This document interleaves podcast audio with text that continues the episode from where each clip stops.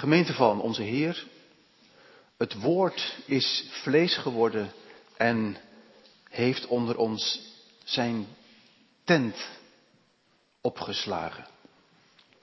Dat is wat Johannes betreft kerst in één zin. Het woord is vlees geworden en heeft onder ons zijn tent opgeslagen.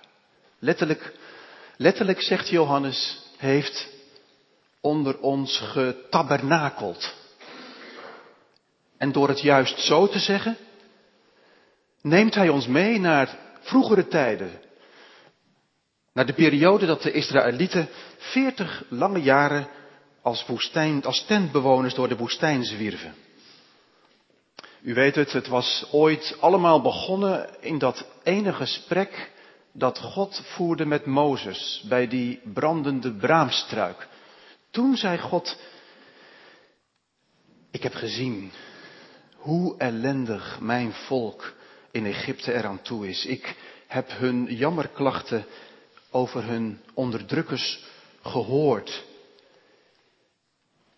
Ik weet hoe ze lijden. Daarom ben ik afgedaald. Daarom ben ik afgedaald. En dat afdalen voltrekt zich vervolgens in verschillende fasen. Aanvankelijk blijft God zelf op afstand, zou je kunnen zeggen, en stuurt hij Mozes onder de mensen. Mozes als zijn vertegenwoordiger, zijn ambassadeur. Mozes mag in Gods kracht de Israëlieten wegleiden uit Egypte.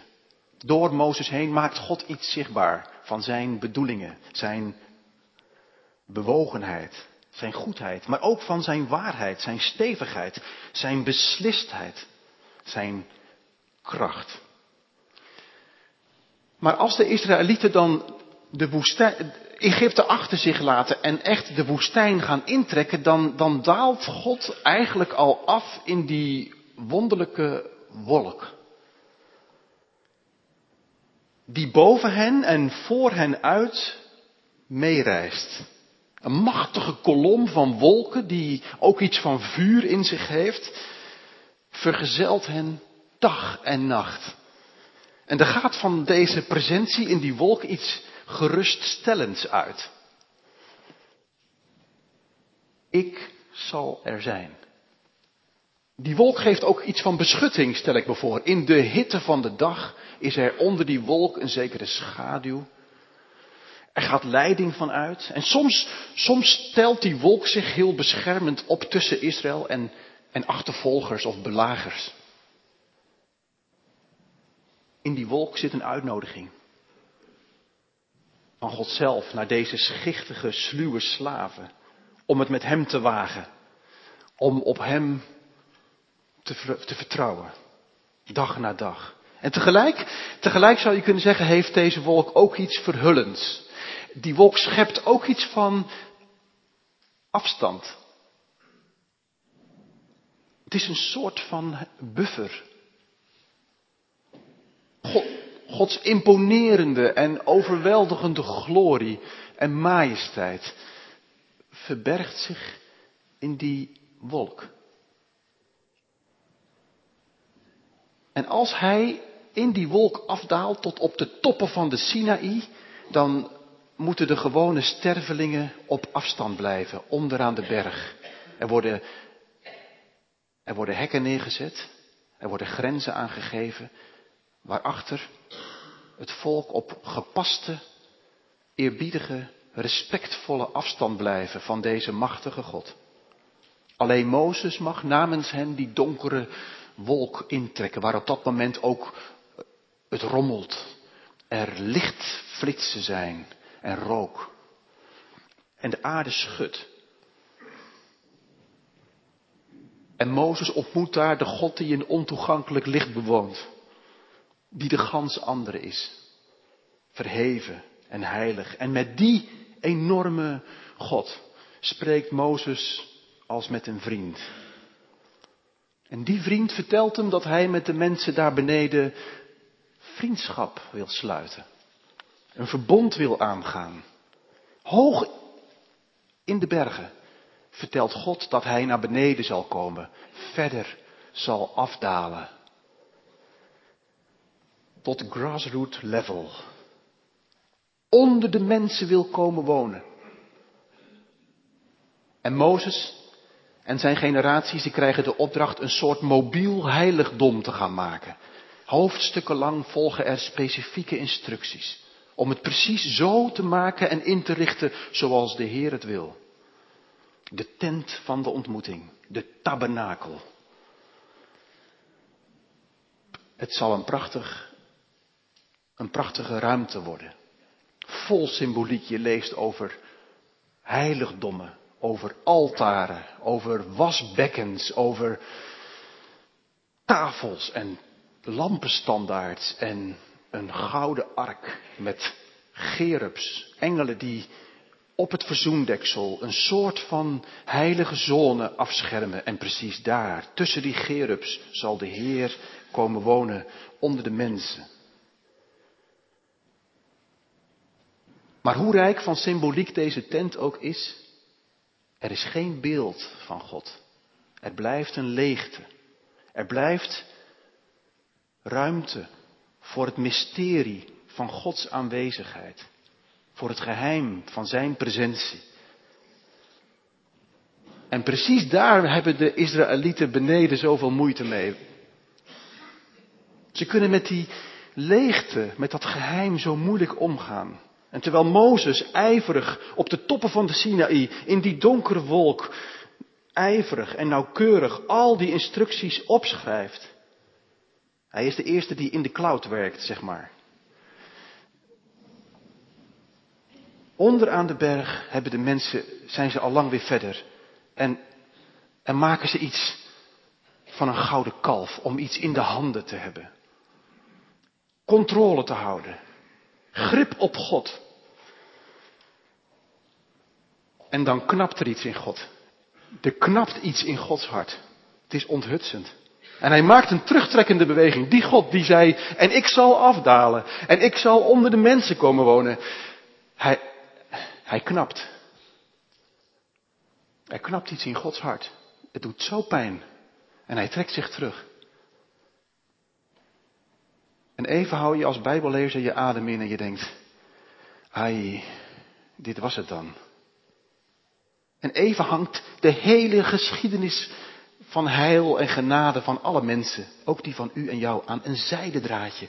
Tot daar Mozes als een soort van Christusfiguur in zijn tijd zegt, daar beneden in het dal orde op zaken stelt, fors ingrijpt en dan zegt, en nu zal ik namens jullie nog eens één keer die hoogtes opgaan van de Sinaï.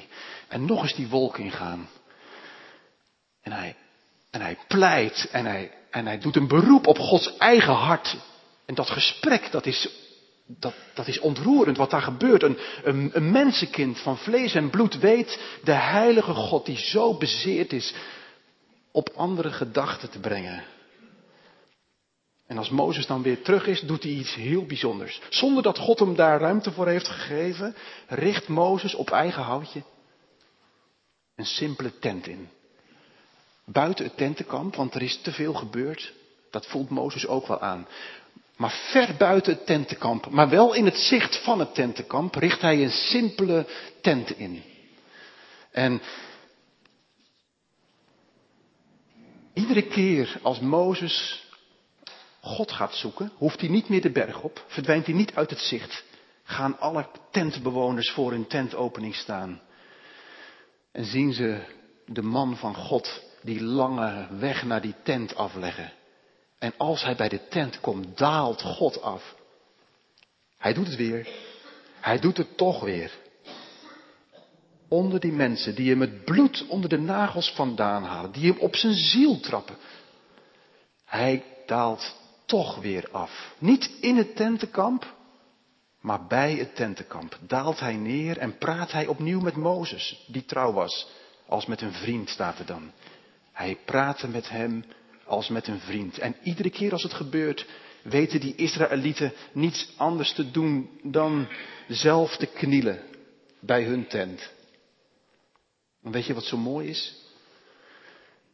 Ze mogen zelf ook naar de tent. Niet dat de wolk er dan is, maar iedere Israëliet die God wil zoeken, mag zich losmaken uit het tentenkamp en die eenzame gang maken naar de tent van de ontmoeting om daar Gods aangezicht te zoeken. Je, proef, je proeft in deze presentie van God iets van, van nabijheid bij het tentenkamp en, en distantie, afstand. Je proeft goedheid en waarheid. Die tent staat niet tussen de andere tenten. Daar is te veel voor gebeurd. En tegelijkertijd staat hij bij de andere tenten toegankelijk, zichtbaar. En dan, dan mag Mozes toch die eigenlijke tabernakel gaan bouwen. Het is prachtig om te zien hoe dat, hoe dat gebeurt. Het hele volk doet mee. Kunstenaars, mensen leveren materialen, mensen dragen zelf enorm bij aan het hele project. Uiteindelijk is die af. Precies zoals God het wou. Zoals God het wilde. En dan staat hij daar in het tentenkamp. En dan daalt Gods presentie neer op de tabernakel. Tussen de mensen. En wordt die hele tabernakel gevuld, zozeer gevuld met de glorie, de majesteit van God, dat zelfs Mozes niet meer binnen kan. Hier woont Hij zelf. Heeft zijn tent onder ons opgeslagen. De rabbijnen zeggen bij de, over deze tent, God moet wel enorm verlangen om onder de mensen te zijn als hij zulke minimale omstandigheden accepteert. Als God het Mozes niet zelf had bevolen, had geen sterveling het gedurfd om voor de schepper van hemel en aarde zo'n stulpje te bouwen. Een stulpje. Het was best een mooie tent, maar het blijft een tent. En hoe rijk de symboliek, hoe kostbaar de materialen. Het is een schamele verblijfplaats, die ook zomaar omver kan worden geblazen door de eerste, de beste zandstorm. Het tentdoek kan zomaar gescheurd worden door een brute actie. De tentstokken kunnen knappen onder druk. Het is niet meer dan een tent, die ook weer afgebroken kan worden. En daarmee daalt, deelt deze heilige tent het kwetsbare bestaan van al die tentbewoners. Op de plaat hier achter mij ziet u een, een, een foto van een tentenkamp op een van de Griekse eilanden. Waar mensen uit Afrika en Midden-Oosten aangespoeld zijn en hun tentje hebben opgeslagen.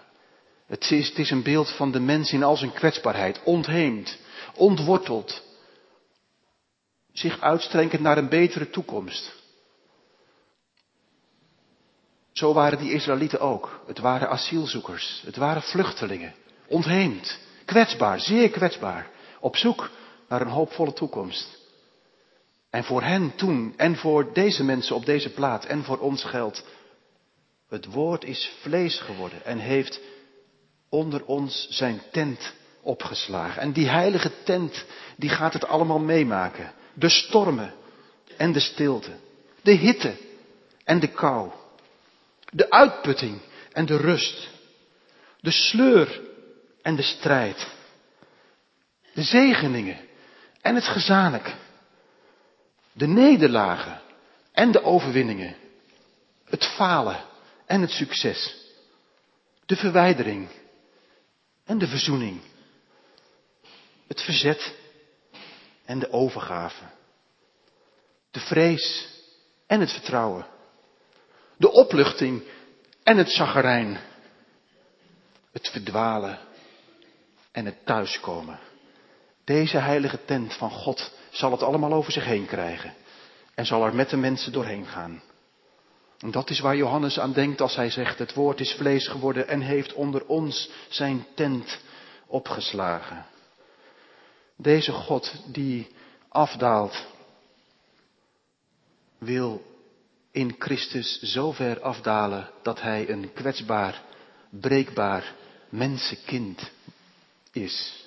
Ver van de troon der tronen en hemels zonneschijn wilt gij onder mensen wonen, der mensen broeder zijn. Dat is mooi gezegd. Der mensen broeder zijn. Maar Johannes zegt het net nog iets anders. Hij zegt, hij zegt niet, het woord is mens geworden. Hij zegt nadrukkelijk, het woord is vlees geworden.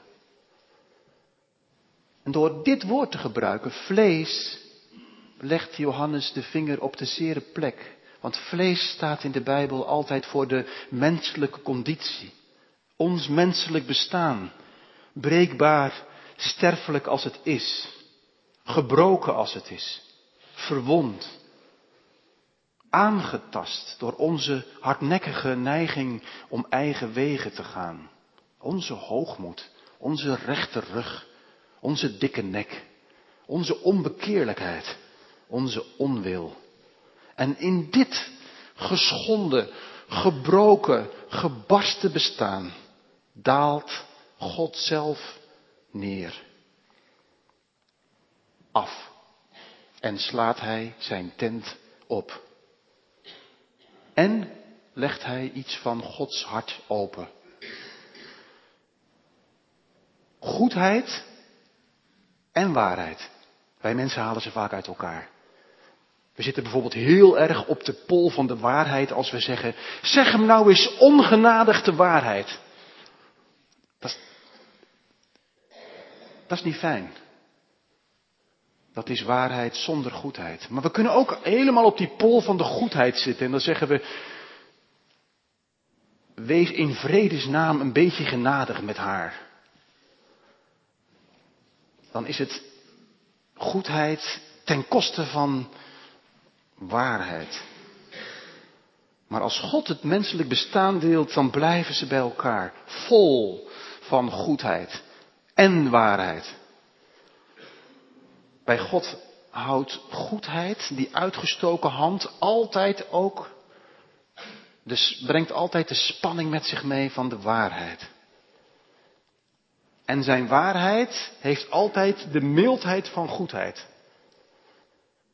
Wie God ontmoet in Christus, die, die doet een wonderlijke ervaring op, altijd weer. Dat er iets wordt blootgelegd en, en ontmaskerd,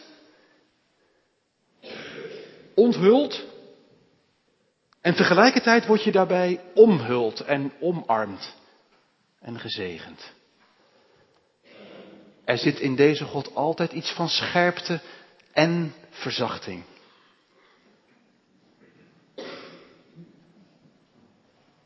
Wie deze God kent, mag leren met hem af te dalen. Wij mensen houden meestal meer van opklimverhalen. Wij vertellen op verjaardagen graag de successen van onze kinderen. Wij bewonderen mensen die opklimmen. Wij zijn de klimmers. Wij houden van profileren, van presteren, van je onderscheiden. En daar is iets heel goeds in. Maar God kijkt er met grote ogen naar, want hij, is, hij heeft veel meer met, met afdalen. Ik las een poosje geleden over Henk de fietsenmaker. Op de een of andere manier heet de fietsenmakers altijd Henk. Ik weet ook niet waarom. Deze Henk stelde zijn werkplaats open voor jongeren met een rugzakje. Je weet wel van die types eh, eh, met een kap over hun hoofd. Piercings all over the place. Plakplaatjes overal. En een bleek gezicht, oortjes in met doffe dreunen en een lege blik in de ogen. Zo kwamen ze bij Henk vaak binnen. Ze hadden het gewoon verknald. Maar Henk vroeg, niet, Henk vroeg niet of nooit naar een cv. Henk was een fietsenmaker, hij was een vakman, hij was een man met een groot hart. En wat hij deed was dit. Hij leerde die gasten een vak. Hoe een fiets in elkaar zit, hoe een brommer werkt, hoe je dat fixt. Maar Henk was veel meer dan dat. Hij stond dicht bij deze gasten. En hij leerde ze, hij las hun leven, hij las wat ze echt nodig hadden. Henk voelde hoe er bij hen thuis werd gescholden en geslagen en, en, en, geen tijd was. En Henk, Hij was er altijd voor ze, straalde rust uit en aandacht en hij wijst ze waar ze beginnen mogen, reikt ze gereedschap aan, geeft ze ook de ruimte om dingen uit te proberen en, en verkeerd te doen. Neemt alle tijd om het allemaal stap voor stap uit te leggen. Verplaatst zich in hen, komt naast ze staan. Holt niet vooruit, maar wijdt ze stap voor stap in. In het vak en eigenlijk op deze manier ook in het leven. Henk is voor deze gasten een, een houvast. Want hij doet wat hij zegt. De discipline die hij vraagt, op tijd opstaan, afspraken nakomen, daarin is hij zelf het voorbeeld. Hij is er altijd. En je kunt op hem rekenen. En hij belichaamt wat hij de jongens zo graag wil leren. En het is geen leren op afstand. Het is meer een soort meester-gezel verhouding. En voor deze jongens die uitgekotst zijn en op hun, op hun uh, cv woorden hebben als geschorst, verwijderd, onhandelbaar, complex, stoornis zus, stoornis zo, niet passend in het systeem, wordt die werkplaats van Henk de fietsenmaker een eigen tijdse tabernakel. Ze leren er dat ze iets kunnen zijn, dat ze iemand kunnen zijn. Iets kunnen betekenen voor een ander. Dat ze nodig zijn, dat er op ze wordt gewacht. Dat er mensen zijn voor wie het uitmaakt dat je er bent en hoe het met je gaat. En die je ook steunen als je in de shit zit. Zo is God onder de mensen gekomen. Niet langer vanuit de hoogte. Tussen ons in, als een broer. Het woord is vlees geworden en heeft onder ons zijn tent opgeslagen, vol van goedheid en waarheid. En wij, zegt Johannes, wij hebben zijn grootheid gezien. Hij gebruikt daar het woordje aanschouwd. Daar zit inspanning in. Daar zit iets voortdurends in. Iets van een focus. Het is niet zomaar te zien. Je moet je ervoor inspannen. Maar wij hebben het gezien, zegt hij tegen zijn lezers. En dat begon allemaal bij die God die een gesprekje aanknoopte met een sjofele schaapherder en zei, ik heb het gezien, hoe ellendig mijn volk er in Egypte aan toe is. Ik heb hun jammerklachten gehoord en ik weet hoe ze lijden. Daarom ben ik afgedaald. God is niet hoog. God is niet ver. En hij wil en kan niets anders dan afdalen tot daar waar wij zijn. En zo is hij onder ons gekomen om ons in kleine stapjes van waar wij zijn in te wijden. In het geheim van zijn liefde. Die liefde die hem doet afdalen. En die u en jou wil meenemen in een levensstijl van afdalen. En daar zijn waar de ander is. En zo voor elkaar echt een broer te zijn. Een zus. In Jezus' naam. Amen.